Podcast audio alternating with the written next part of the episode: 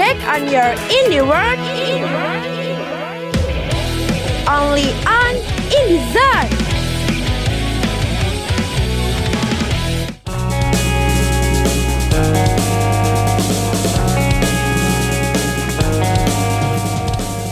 107.5 Rafa FM, the first entertainment channel in Solo. Halo Kampus Brainers, selamat datang di podcastnya Indizone Rafa FM, podcast pertamanya Indizone. Kali ini kamu ditemenin sama Iqbal yang pastinya akan membahas tentang skena musik indie lebih dalam dan mendalam lagi nih Kampus Brainers.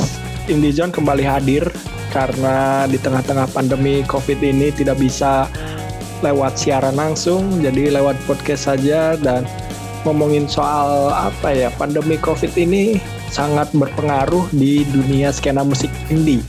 Kenapa? Karena banyak konser-konser band-band indie yang terpaksa diundur gitu. Entah itu diundur ataupun dibatalkan. Dan ya mau gimana lagi pemasukan dari band indie kan selain dari konser yang paling utama ya mungkin dari merchandise dan lain-lain. Tapi ya indahnya menikmati musik tuh ya dari konser gitu loh. Ya banyak banget sih ini tuh yang bisa apa ya kayak banyak banget dampaknya yang terutama bagi para pekerja event dari musisi, kru di balik layar, vendor, show manajemen sampai IO-nya atau event organizer-nya nih kampus dan semuanya berantakan banget. Ya walaupun uh, ini tuh harus memaksa bagi para musisi untuk bagaimana caranya tetap eksis gitu loh di tengah-tengah pandemi ini. Mungkin kita sering lihat ada berbagai band-band indie yang kayak mencoba ini cover-cover lagu atau mungkin tiba-tiba muncul-muncul lagu-lagu baru yang ceritakan tentang COVID ini. Bisa juga kolaborasi dengan Campus Brainers bandnya. Contohnya kayak band Biswax uh, band asal Malang itu dia mengajak para followersnya untuk membuat musik cover. Nah, dan itu tuh sangat diminati gitu loh. Banyak orang-orang yang mengikuti dan banyak sekali cover-cover lainnya. Dan itu bagus-bagus sekali. Iqbal sih udah lihat, gak tau ya kalau kampus Benes mungkin ada musisi andalannya, entah itu Pamungkas, India atau siapa pun itu. Tapi ya para IO pun pastinya uh, tidak ingin tinggal diam gitu loh untuk masalah pandemi ini. Ininya ada upaya preventif gitu loh yang bisa dilakukan para promoter ini. Dan ya seperti contohnya itu sinkronis, sinkronis face ini.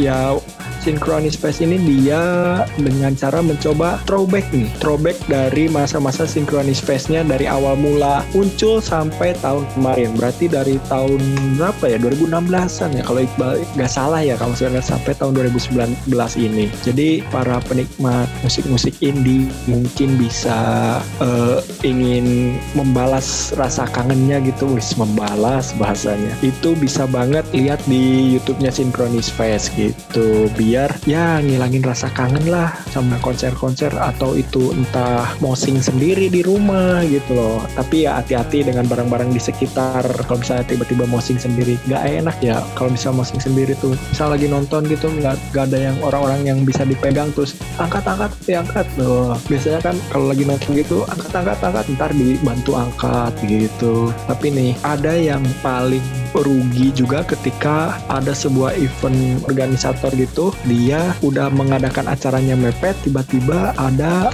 lockdown gitu loh. Entah itu lockdown entah itu langsung dibatalkan. Mungkin pihak IO nya tidak sanggup ketika dipindahkan hari. Entah dari bandnya yang jadwalnya bertabrakan atau apa kan kita tidak tahu. Itu sangat disayangkan gitu loh kampus banners. Tapi nih kampus banners dampak yang akan dirasakan di industri musik nih secara global jika ancaman uh, pandemi ini tuh berkepanjangan yang hal yang paling menyebalkan dari ini adalah ketidakpastiannya gitu loh. Karena covid itu tidak pasti kapan berakhirnya kapan uh, kita bisa nonton konser lagi dan kita pun tidak tahu berapa banyak korban yang akan bertambah. Dan tapi sesuatu yang layak mendapat perhatian lebih adalah nasib nasib orang yang uh, bekerja di belakang layar. Selain untuk mencoba mempertahankan keberlanjutan dari bisnis musik masing-masing ada baiknya kita juga mendukung mereka yang pernah membantu kelancaran acara entah bagaimana caranya mungkin ini uh, saatnya untuk jadi lebih kolaboratif di dalam industri musik. Ya mungkin ada pemusik yang